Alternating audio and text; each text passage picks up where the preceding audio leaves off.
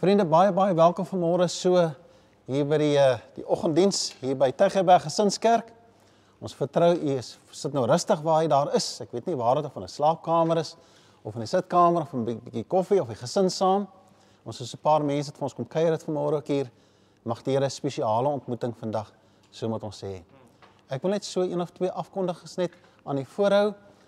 Onthou om die boodskap te deel met mense. Dis deel van evangelie. Dis miskien so elektroniese evangelie.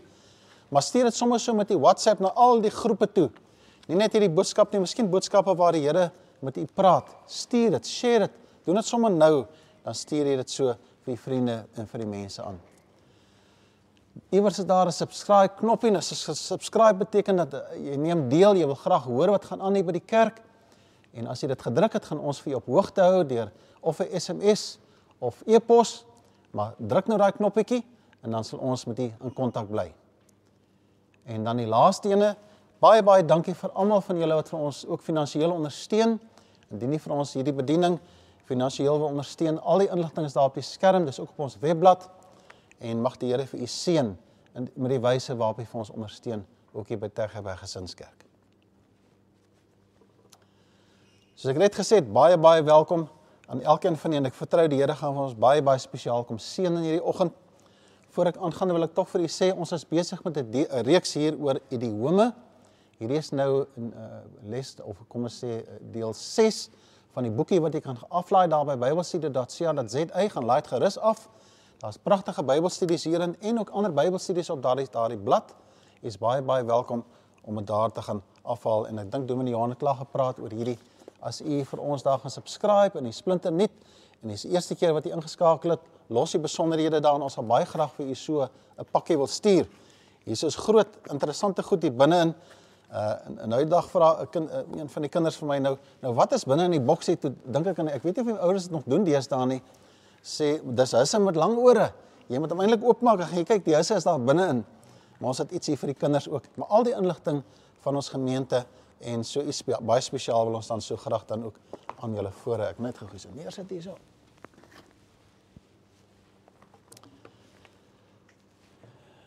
So ek wil ook baie dankie sê aan almal wat vir my gehelp het in die voorbereiding van hierdie hierdie boodskap. Onthou as uh, soos 'n mens ouer raak, kan jy dinge nie meer alleen doen nie. Maar almal wat deelneem aan die tegniese gedeelte van hierdie boodskap, dankie dat julle vir ons kom ondersteun dit hierso. Ek praat vanmôre met iemand 'n interessante term rondom die gedagte van ek voel vere. Ek voel vere. En in terme van daardie baie verskriklike stelling wat gemaak word, wil ek dan wil ek dan hê met ons ons harte so ondersoek voor die Here vanmôre.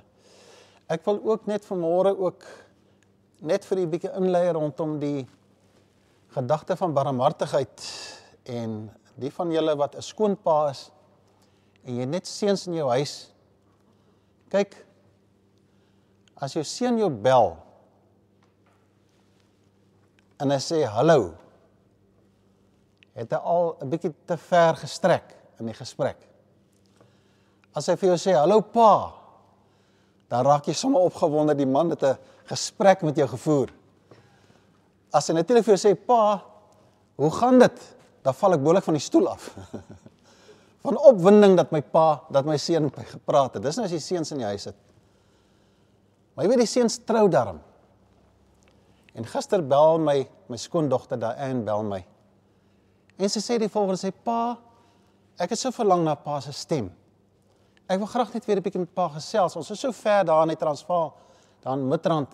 Ek wil net hoor hoe gaan dit met pa. En daar begin die dametjie met my gesels. En ek dank die Here dat hy tog iewers vir my 'n dogter gegee het.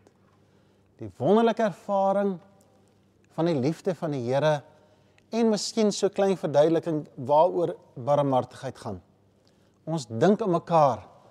En natuurlik, ek weet nie van die van julle wat skoonouers is nie, maar regtig as 'n skoondogter jou so bel, dan roer dit jou hart. Jy klop sommer chocolates. Hoe, sal ons sê as ek aan die helfte van jou koninkryk vra en jy sê dit vir gee, jy weet. Ons is so dankbaar vir die liefde van kinders. So ek wil vanmôre praat oor hierdie verskriklike term. Jy sal sien as jy ingeskakel het en jy dit op die wetblad gaan kry, dit is daar is daar 'n idioom wat ek uitgehaal het wat ons nou hanteer rondom idiome. Ons is besig met 'n hele reeks oor idiome. En dit is 'n ontstellende stelling wat gemaak word Daar's niks so liefdeloos en so donker en so afbreekend en so vernietigend as iemand sê ek voel vere vir iets en veral ook as hulle sê ek voel vere vir jou. Nou ek het ek het al die taalkundiges wat ek ken, die slim mense ek genader, en Karina ook hier en almal wat nou baie goed is met boeke en idiome en die taal en vir my en Dominee Johan en Rian help dat ons die taal nou reg spreek en die regte woorde gebruik en sinne reg inspann. Nêrens in die Afrikaanse literatuur eers staan hierdie term ek voel vere opgeteken as 'n idioom of 'n spreekwyse nie. En tog as 'n mens die woord gebruik ek voel vere, hulle verstaan almal wat dit is. Baie interessant, hier is nou 'n idioom wat nêrens opgeteken is nie. Maar teenoor hierdie idioom wil ek baie graag dan ook die gedagte rond die barmhartige Samaritaan uitspel waar hy sê en ek wil dit graag opsom is ek gee om vir jou. Ek stel in jou belang Ek wil hoor hoe dit met jou gaan. En dit lyk so asof ons as ons in hierdie tyd waarin ons lewe het, ons dit so nodig dat ons mekaar so ondersteun. So ek is baie dankbaar dat ek die voorreg het om te kan praat oor hierdie kosbare gedagte van die barmhartige Samaritaan. So terwyl ons praat oor hierdie reeks en hierdie gedagtes wil ek graag dan voor ek die woord van die Here vir julle lees net 'n kort agtergrond gee van hierdie gedeelte. So in hoofstuk 9 of hoofstuk 10 lees ons van hoe dat die Here Jesus uitgedaag word deur die Sadduseërs en onder andere die wetgeleerdes, nou wetgeleerde het die 10 gebooie, baie goed met die 10 gebooie word die Here uitgedaag om te reageer. Hy het pas die Sadduseërs verslaan rond die gesprek van opstanding want die Sadduseërs het baie gehou van opstanding, gesprekke oor opstanding. En hierdie wetgeleerde, as ons praat van wetgeleerde oor die 10 gebooie en natuurlik die Levitiese wette ook, kom dan en hy dink hy gaan nou kans vat met die Here. Die Bybel sê hy het gekom en het na die Here Jesus toe gekom en hom uitgedaag. En dan vertel die Here hierdie en gaan nou vir julle lees hierdie gelykenis wat net in Lukas voorkom, 'n baie teer gelykenis wat net in Lukas voorkom. Vertel hulle in omstandighede waarmee hulle baie bewus was. Die pad van Jerusalem na Jerigo was 'n baie gevaarlike pad en hulle het geweet. Daar was spanning tussen die die Jode en die en en die en en en die, en die Samaritane. En dit word ook ingebring in hierdie gelykenis en dan natuurlik vir die wetgeleerde ken hy die wet en die Here praat hom in sy taal, in sy vaktaal, daar praat hy met hom presies oor iets wat hy baie spesiaal sou verstaan. Daarom wil ek graag dan nou voordat jy die Bybel lees vir jy sê, hou jou Bybel oop. As jy 'n stukkie papier het, doen aantekeninge. Jy kan selfs as jy gemaklik is daar doen kant aantekeninge in die Bybel self in potlood dat jy kan uitvee as dit nodig is. En miskien is jy nou baie slim daar waar jy nou sit, dalk sit jy voor jou rekenaar, maak twee skerms oop, een is om 'n woord en die ander een is is is is die boodskap, daar's so 'n raamwerkie wat ons vir julle geplaas het ook op op die op die webblad en die Bybel oop en dan vra ek jy doen aantekeninge soos wat ons aangaan met die skrif en dit wat ek vanmôre met u deel. Dalk sou iets spesiaals vir die Here vir jou gee. Miskien nie wat ek vandag gaan sê nie, maar jy eie spesifieke omstandighede wil die Here dalk vanmôre met jou praat. Nou kom ons kom dan aan aanbidding na die Here en ons vra dat hy vir ons sal help met die kosbare lees van sy woord. En daarom dan in Lukas 10 vanaf vers 25 Lukas 10 vanaf vers 25 wil ek dan nou graag die volgende vir julle lees. Die Bybel sê van ons in vers 25 daar was 'n wetgeleerde wat aan Jesus 'n strikvraag wou stel. Hy staan op en vra Meneer, wat moet ek doen om die ewige lewe te verkry? En Jesus sê vir hom, wat staan in die wet van Moses geskrywe? Wat lees jy daar as 'n persoonlik uitdaag? Net vers 27 daar. En hy antwoord jy met die Here God lief hê met jou hele hart, met jou hele siel en met al jou krag en jou hele verstand. En jou naaste soos jouself.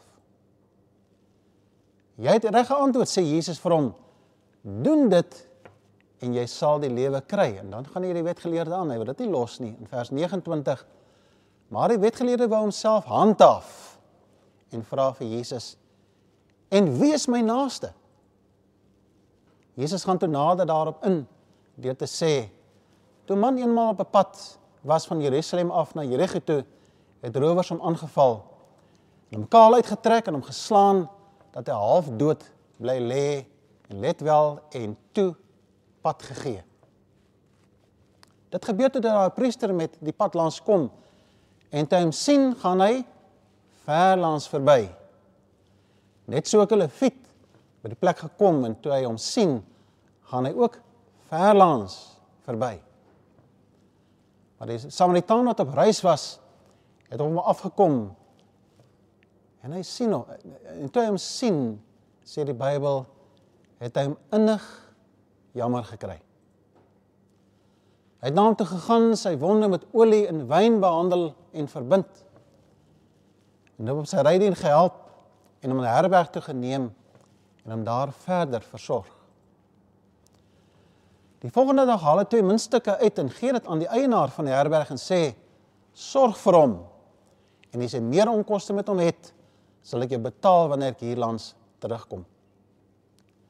Wie van hierdie 3 is volgens jou die naaste van hom wat onder die rowers verval het?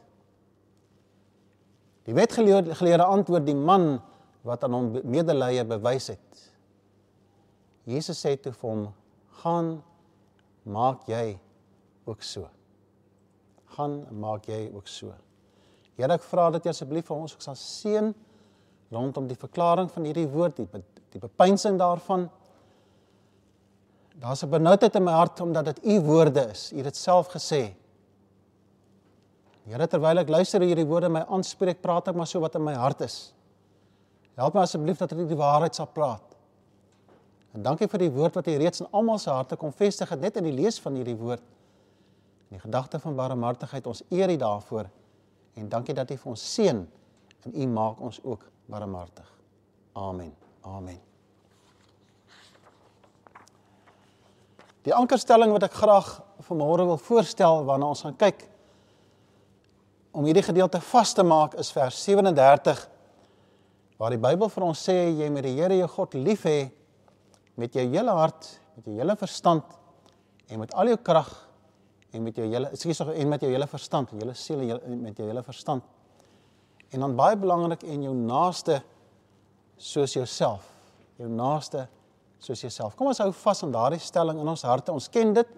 Dis die wet wat die Here vir ons kom leer het. En ek wil graag net so klein bietjie teologie net met u hanteer wat ek ook wil hê net in jou gedagte moet vashou sodat jy verstaan waarvan dan ek kom met hierdie gedeelte. So barmhartigheid is is God. Toe hy die beeld in die mens geplaas het, toe hy hom skep, het hy sy beeld in die mens ingeplaas en mag ek nou die voorreg hê om vanmôre te sê hy het so geestelike geen van barmhartigheid ook saam met sy beeld in ons geplant want God is barmhartig. Een van die eerste aksies van God in barmhartigheid is Toe hy sien die mense is alleen en ek glo hy het hom jammer gekry daar, toe skep hy vir hom 'n vrou. God betoon al reeds barmhartigheid daar dat hy omgee. Hy het nie net geskep en pad gegee nie. Hy neem deel in die skepping in barmhartigheid. Die mense is opgewonde, hy's ook gevul met barmhartigheid as hy die vrou sien. Hy's opgewonde, hy gee vir haar 'n naam. Hy trek haar nader. Die Bybel sê hulle word een. Hy's so dankbaar vir hierdie voorreg in hierdie verhouding en dan sondig hy. En die eerste ding wat hy doen nadat hy die beeld van God skade gekry het binne in hom en hierdie geen van barmhartigheid breek hy net so af as hy sy vrou onder die bus ingooi. Toe God vra wat het nou gebeur? Toe sê hy is eintlik nie ek nie. Dis die vrou wat U my gegee het. Skielik is daar nie met daai barmhartigheid om by haar te gaan staan of vir hom te help met veiligheid en verantwoordelikheid vir haar te neem nie. Maar hy gee haar die skuld en hy distansieer hom van haar af en dit breek saam met die leviet en die priester wat verbystap. Gooi hy die man verder onder die bus in. Ek voel vere vir hom. En ervaar ek die genade van die Here Jesus in die teologie waar God vir ons weer kon leer En hy sê Vader vergewe hulle want hulle weet nie wat hulle doen nie. Winde herinner my gisteraan toe ons huis toe ry dat oral waar die Here Jesus opgetree het, was hy barmhartig voordat hy oor homself praat en die ewige lewe. Hy gee eers kos. Hy maak eers gesond. Selfs daai ryk man wat weghardop die Bybel sê hy het hom jammer gekry. Ek ken die Here Jesus as iemand wat barmhartigheid getoon het en wanneer ons kinders van die Here is, dan lyk dit vir my dan erf ons ook hierdie kosbare, kan ek dit noem geen van barmhartigheid. Dit is deel van ons karakter, dit is deel van ons natuur. Ons gee om vir mense en ons kyk uit vir mekaar. So met hierdie ankerstelling in ons harte en die stelling wat ek gemaak het oor barmhartigheid, my vriende, dan is dit my spesiaal om te vra dat die Here vir ons sal seën en ons sal verstaan ook wat in hierdie gedeelte aangaan. Ek wil net verder 'n verdere koppeling maak aan 'n baie moderne ervaring van barmhartige Samaritaan. Nou wil ek iets met u deel wat ek en Honie beleef het so rukkie terug ry ons daar van uh van uh Hartenbos af. Ry ons terug huis toe in jou Jimny. Nou Jimny, moet jy mooi verstaan, hy lyk baie oulik. Maar as jy lang opdraande kry, dan moet jy nou maar vet gee van onder af. Anders gaan jy nou amper reverse bo uitkom. My my ry maar. En daar by Swellendam draai ons toe nou af aan die pad is toe baie besig, draai ons af Ashton toe, pragtige pad, mooi oop pad. En terwyl ek so ry, is ek deel van 'n tou karre klomp karre agter my, daar's enetjie voor my. En ek sien hier kom 'n lang opdraande op en ek sien die karretjie begin so lank spoed optel en hy begin saam spoed optel. En in my drie speeltjies sien ek ek weet nie wat se kar dit was nie, maar daar staan iets van 'n Ranger op hom, so 'n wit Ranger. Maar dit is net wiele en ligte en bumpers en ek dink daar was 'n hak ook vooraan gewees. En ek sien hierdie man terwyl ek nou met die Jimny ry, nou ry ek 110, nou gaan hy af na Nou gaan hy af na so 5 so 100 toe, 100 toe en hy begin so sak net so onder 100. En hierdie man is hier op die spaarwiel van die Adamo Germany. En ek kan nie, daar's nie meer gas wat ek kan gee hier nie. Maar die man is ongeduldig. Dit's die spots wat aankom, dis die ligte wat aankom. En op 100 km/h is gaan ek mos nou nie op die geel lyn en dis mos so gevaarlik. Ek dink as ek by 80 kom sal ek maar aftrek, maar nou ry ek want die hele toue stadig. En die man is ongeduldig man. En toe ons nou bo kom, toe sien ek hier, hier, hier begin ek nou moeilikheid kry want die kar voor my begin ek nou stadiger ry. Ek begin hom nou inhaal. Nou is daar moeilikheid. Die volgende oomblik vlieg hierdie man hier aan die linkerkant verby. Op 'n geelstreep halfpad op die grondgedeelte van die pad. En hy sny so voor ons in. En toe hy so ingaan gaan hy sommer so op die wit streep verby. En daar gaan hy in 'n jag, maar terwyl hy verbykom is dit vingers. Dis beduie. En ek sien nog en ek weet nie miskien as ek nou ouer raak raak en nou baie geïrriteerd as dit vir my lyk hierdie man het seker gister sy lisensie gekry. Hy weet nog nie van hy net so pragtige ou dogtertjie saam met hom daar.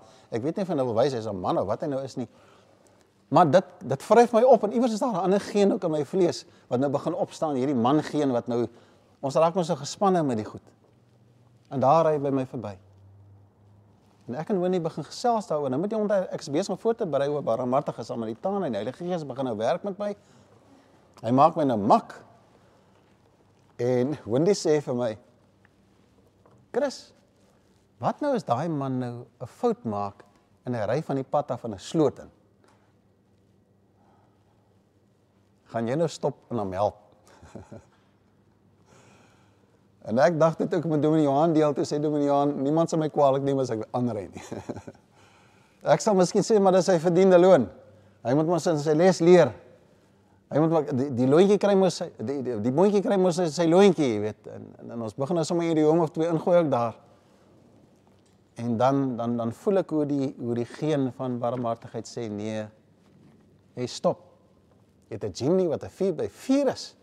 Jy kan hom uitsleep uit die sloot uit. Jy help hom. Ons kry daagliks om sulke dinge te doen. Of 'n bestuurder wat rof is met my, of 'n buurman wat sy hond weer die hele nag geblaf het, of jy word geïrriteer met die verkeer en jy's gespanne en jy's jy's gefrustreerd en dan word jy uitgedaag rondom hierdie ervaring van barmhartigheid. Ek wil graag drie dinge met julle deel om onsself te vra, is ons barmhartig? Waaroor gaan barmhartigheid eintlik? En ek wil baie graag aan hierdie skrifgedeelte wil ek vanmôre aan julle voorhou as 'n voorbeeld. Ek glo barmhartigheid en hoe net vir my gehelp met hierdie punt.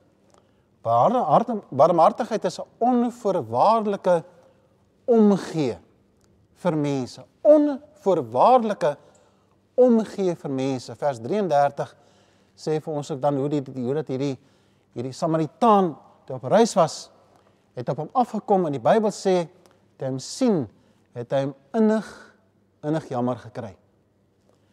Ek hoor hoe en ek sê Eksodus hoe die Here ook vir Moses roep as hy hoor ek het die ellende van my volk gehoor. En asemware sê vir Herodes, dit skiet tog sê vir Moses, ek gaan iets daaromtrent doen. U sien, ons moet leer om te luister in hierdie kosbare wyse waar die Here vir ons uitdaag om in ons self 'n vermoë te kweek om die nood van ander mense raak te sien dikwels uit die ongemaklike posisie waarin ek en jy is. Nou wil ek graag hê met alle getroudes of almal wat in 'n verhouding staan en of jy 'n verhouding eh, probleme het met 'n bestuurder by jou werk. Ek is ek is lief vir my skoonma. Ek weet nie of 'n moeilikheid met julle skoonmaas het nie. Ek weet nie of daar familie is wat irriteer daai mense dat as ehm um, jy hulle sien of van hulle hoor, jy hoor net hulle stem, dan rys die hare so op jou rug, jy weet. Jy jy jy lyk soos 'n Jack Russeltjie wat 'n kat sien en jy wil net gryp en eh, hulle hulle hulle hulle irriteer jou man. Wil ek graag verwys na 'n kosbare gedeelte in 'n boek wat C.S. Lewis geskryf het oor meer Christianity en jy kan gaan lees daarvan op bladsy 129 tot 133 hanteer hy die gedagte as hy praat oor geloof, hoop en liefde, hanteer hy spesifiek die gedagte van liefde en in die Engelse taal en die wyse waarop uitspel in terme van ons as kinders van God gebruik hy die woord charity. Die woord charity. En hy stel dit as volg, hy sê liefde is nie 'n gevoel nie. En al die jong mense wat hier sit, dis nie 'n gevoel nie. Dis nie jy voel lekker nie, jy voel gemaklik nie, jy voel veilig nie. Liefde is nie 'n gevoel nie. Liefde is 'n aksie van jou verstand. Jy neem 'n besluit, ek wil lief hê en dan trek jy die dividend van 'n gevoel. As jy op 'n gevoel moet staat maak, dan sit jy saam met my in my beradingskantoor wat dikwels met mense moet sit wat mekaar wil los, dan sê hulle ons voel nie meer lief vir mekaar nie. Nou, ek en Winnie is 42 jaar 42 jaar agteruit maar nê, 42 jaar en ek het daar toestemming gekry om dit te sê om vir julle sê ek is ook 'n normale mens. Kinders van die Here kry partykeer ook maar lekker stry, nê. Daar's dikwels in ons huwelik waar ons nie van mekaar gehou het nie. Dikwels. Wat ek sê my skarrebel nou ook nie vir jou nie. En sy sê maar ek ook nie vir jou nie. Nou praat ons oor die gevoel. Gevoel hou jy nie by mekaar nie, man. Dis die besluit wat ek geneem het om te sê my skarrebel met jou wil ek oud word. Maak nie saak wat oor ons pad kom nie, ek bly by jou. Jy sal my wegjaag, ek sal net weer terugkom.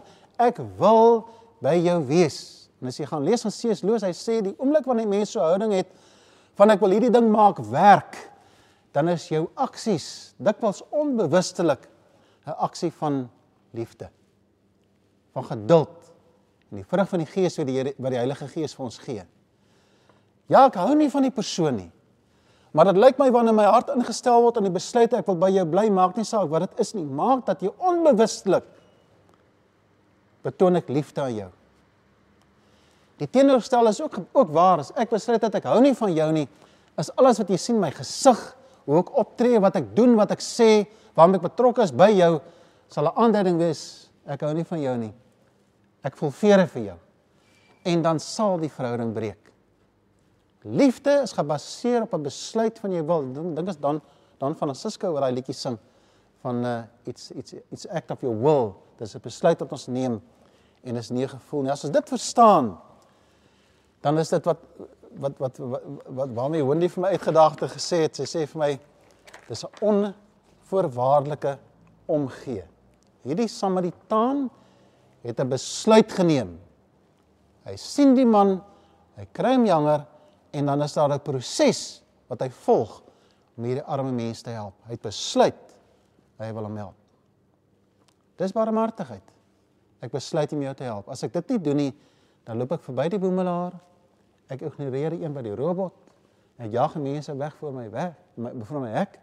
My gesig lyk dom na strand en kwaai en ek skrik die mense af en ek ry lyk die res van my lewe soos 'n bulldog.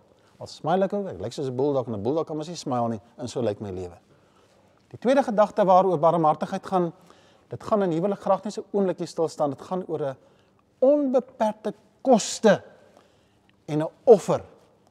Vers 34 tot 35 lees ons veral daar in 34 sê hy toe toe na hom toe gegaan sy wonde met olie en wyn behandel en hulle verbind.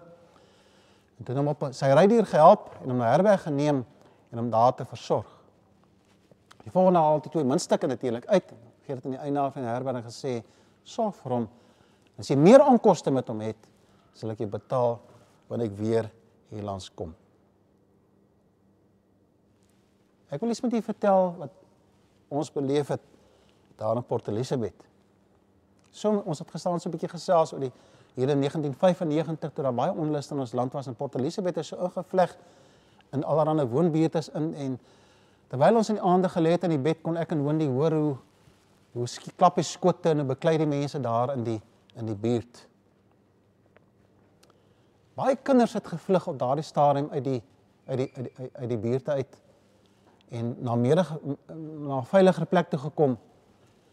En onder andere was daar baie kinders in die strate.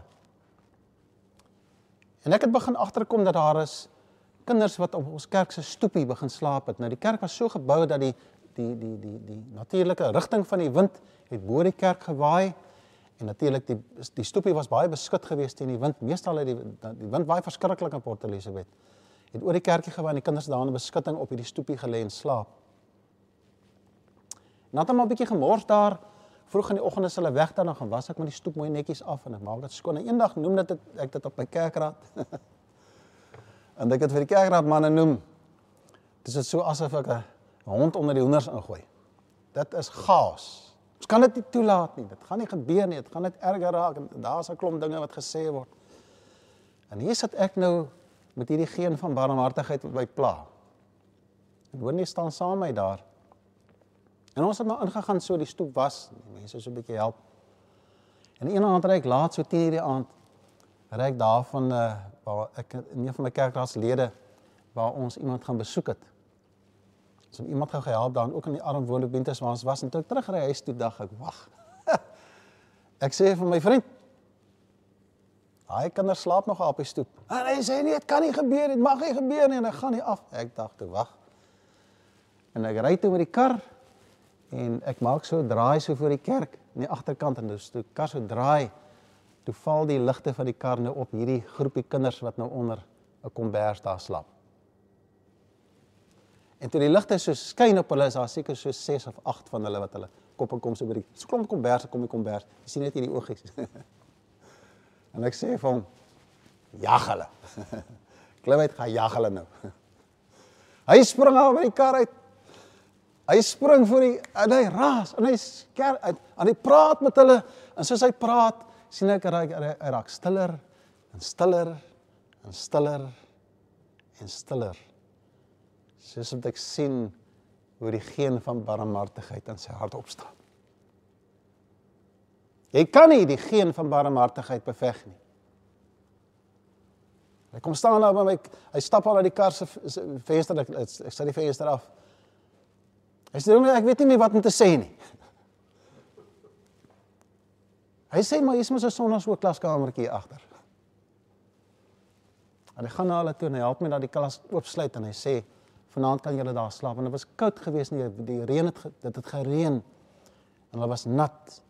En hy sê julle kan vanaand kan julle daar in die klaskamertjie slaap. Dis wonderlik om te sien hoe die geen van barmhartigheid in 'n mens opstaan. Dis dieselfde geen wat ek sien by Kobus hulle. As hulle kos bymekaar maak vir die kinders om te gaan kos gee. Dis dieselfde lig en geen wat ek sien in Dominee Johan Pansegrou. As hy so opgewonde praat oor die wyse waarop hulle die mense help. Ek sien dit by Sprouting Minds. Ek sien dit oral in ons gemeente waar daar mense betrokke is by ellende van mense, veral by die legendes, hoe die legendes uitkyk vir mekaar. Wanneer die wanneer die liefde van die Here ons harte vul en ons ervaar hy ons kom vol met sy gees, dan kan ek nie anders as om barmhartig te wees nie. En daar's 'n koste daaraan verbonde. Daai kinders het bly mors daar. Die die die oudste seentjie en dogtertjie het swanger geraak. Hulle het by die kafee ingebreek. En ek moes hulle gaan help daar by die gevangenis. En die kinders het groter geword en dit al ongemakliker begin word as hulle mense begin raak het. En hulle begin kwaad raak en gefrustreerd geword. Daar is 'n prys wat jy moet betaal. Maar vriende, dis nie waar ons vaskyk nie. Ons haal maar die tweede muntstuk uit. En ons help waar ons kan. En ons dra die mense en ons beskerm hulle so ver soos wat ons kan. Daar's 'n pragtige gedeelte wat Dr. Rudy vir my aangestuur het wat in die Afrika Bybel as 'n kommentaar op hierdie spesifieke gelykenis uitstaan. Hy sê die volgende en ek gaan dit vir julle lees. Jesus' response to the lawyer shows that the life-giving love serves with compassion right in the moment without asking about the identity of its neighbor. Love takes action, even costly action. Love goes an extra mile to ensure that your neighbor's life is out of danger. Tragedies befall our communities not because wicked people are too many, but because good people do not stand up for truth and justice in the moment. When God brings people into your path to love, do not wait to take action.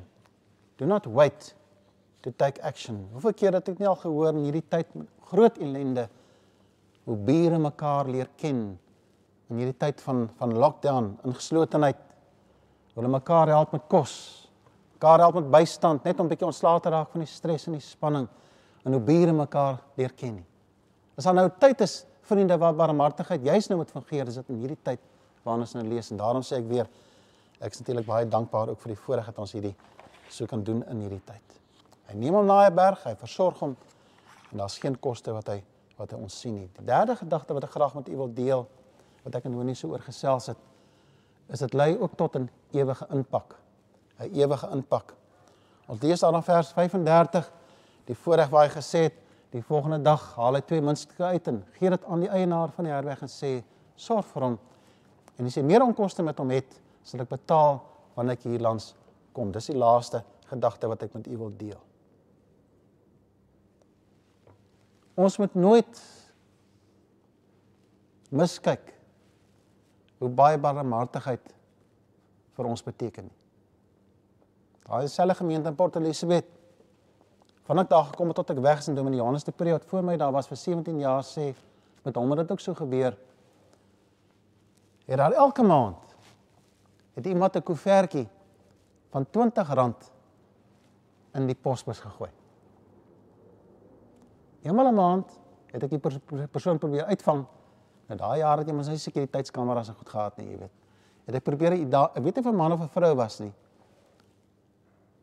Maar die enigste pos wat aangekom het in daai tyd was daai koevertjie met R20 in.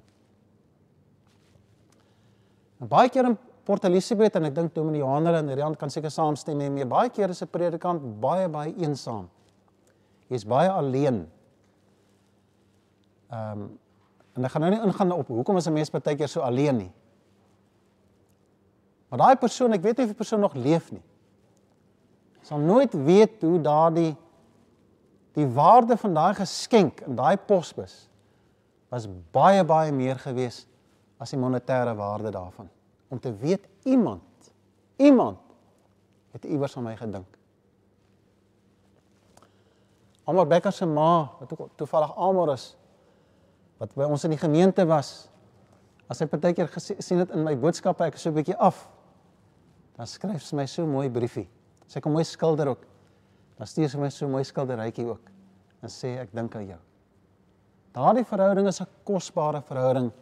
As iemand uitkyk nader staan en in hierdie verhouding sê ek sien jou raak nie. Barmhartigheid is die vervoermiddel van die liefde van die Here Jesus Christus en die evangelie aan mense wat hom nodig het. Die grootste vorm van barmhartigheid wat ons ooit vir iemand kan gee, is om te vertel van die Here Jesus Christus. Die van julle wat luister na die video, die grootste vorm, een van die grootste vorm van barmhartigheid is dat jy nou die link aanstuur van hierdie boodskap na iemand toe om te sê ek gee om. Te sê die Here gee vir jou om. Die Here het jou lief. Dis hoe ons die liefde van die Here deel, is in barmhartigheid met 'n dink aan iemand wat waarde kan kry. Ek het al hierdie boodskappe gekyk maar op ons webblad, daar's nog baie van hulle wat jy sou kan aanstuur. Ek sal nooit vergeet hoe 'n jong man toe ek op skool was in 1973 my daar op die skoolterrein kom skraap opskraap het en gesê het ek wil graag hê jy moet van jy moet saam met my Vrydag kerk toe kom. Nou ek gaan myself nou nie inkrimineer nie, maar die woord kerk het nie baie vir my beteken in daai tyd in my lewe in 73 nie. Ek het nie baie gedink van kerkmense, ek het nie gehou van hulle nie, want hulle is almal sulke holy joes gewees. En hulle het by ons verbygeloop amper soos die leviet en die priester. So het vergeet hoe hy elke dag vir my my kom vra het, "Gaan jy saam?" Sê ek, "Ja, man, ek gaan saam." En die Sondagoggend kom klop hy in die deur. Hy wil my kerk toe vat. En nou nie wel hulle ook nog gesê om met jong mense praat. Hier staan Christoffel Kuil vir my deur en hy klop aan die deur en ek is nog in my pyjamas. Ek sê nee, gaan nie. Hy sê ek wag vir jou. Ek wag vir jou. Ek dank die Here vir 'n barmhartige Samaritaan wat 'n stikkende mens nie gelos het nie. En aangehou het en aangehou het en aangehou het. Graai oggend in die kerk ingestap en dominee Wel hulle ook nog gepraat oor Johannes 3 vers 16, so lief het God die wêreld gehad. En die woordjie sodat ek nie verlore hoef te gaan het my hart aangegryp soos die Gees my daar gegryp het en met my gepraat het en 'n ander boodskap vir my gegee het glo ek wat doen my doen nie wel nie sy gedagtes gehad het nie maar die Here het dan met my gepraat. En die Here red my siel. Dank ek vir die ewige impak wat Christoffel Kuil in my lewe gehad het om my aan die Here Jesus voor te stel. Die grootste geskenk wat ons ooit vir iemand kan gee is wanneer ons hulle aan die Here voorstel. Mag die Here vir u seën ook in hierdie dag so ten slotte wanneer ons ons harte ondersoek oor ons betrokkenheid by mense. En jy weet, dit help nie ons luister net na 'n boodskap en ons doen niks nie. Maar miskien is daar iemand wat jy vandag moet bel. Miskien is daar iemand vir wie jy moet omhels. Miskien my broeder het tyd geword dat jy 'n vrou omhels en vir haar sê hoe jy haar waardeer in barmhartigheid. Miskien moet ons as ouers 'n bietjie meer luister na ons kinders ook. Sonder om altyd 'n raad vir hulle te gee. Luister na hulle versoeke, luister na hulle behoeftes. Mag die Here vir ons die voorreg gee dat ons barmhartigheid sal toon. Ek wil net vir julle sê net interessant dat die eerste opdrag van barmhartigheid in die Bybel in in Handelinge 6 is die opdrag aan die diakens kyk uit na die weduwees en die wese. Die apostels, hulle het aangegaan om die woord voor te berei en te bedien, maar daar was manne en vroue nodig gewees om mekaar te bedien, die wat in ellende is. Ek skryf verlede maandag die volgende vir ons kantoorspan en ek hoop dis so ook die roeping van ons as Tygerberg en almal wat deelneem ook aan vanoggend se diens. die van julle wat ook luister, Ek sê mag ons nooit vergeet waarom ons doen wat ons doen nie. Ons is barmhartig omdat Jesus se hart in ons binneste klop. Ons is hier vir die versorging van hulpbehoewe, hulpbehoewende en verlorende en soekende mense wat God oor ons pad stuur. Elkeen wat in hierdie huisbakke opkom, elkeen wie ons skakel, elkeen met wie ons te doen het, elkeen wat met sy buurman praat, elkeen met die baas daar by die werk wat jou irriteer, jou maats wat jy miskien in die steek laat. Ons ons, ons hoor hoe hulle hulle hulle hulle hulle hulle mekaar aanvriend, hoor ek deesdae as hierdie ding, hulle aanvriend mekaar. Vergewe hulle man. En wees barmhartig teenoor hulle. Die wetgeleerde het gesê of gevra hoe word ek 'n kind van God? Hoe beerwe ek die ewige lewe? Die Here Jesus het gesê jy moet die Here jou God met jou lief hê met jou hele hart met jou hele siel met al jou krag en jou hele verstand en jou naaste soos jouself. Die vraag wat ek vandag vir jou vra is: Voel jy vere? Voel jy vere? Of het jy jammer en het jy lief en is jy barmhartig? Amen. Amen. Kom ons sing met 'n lied saam.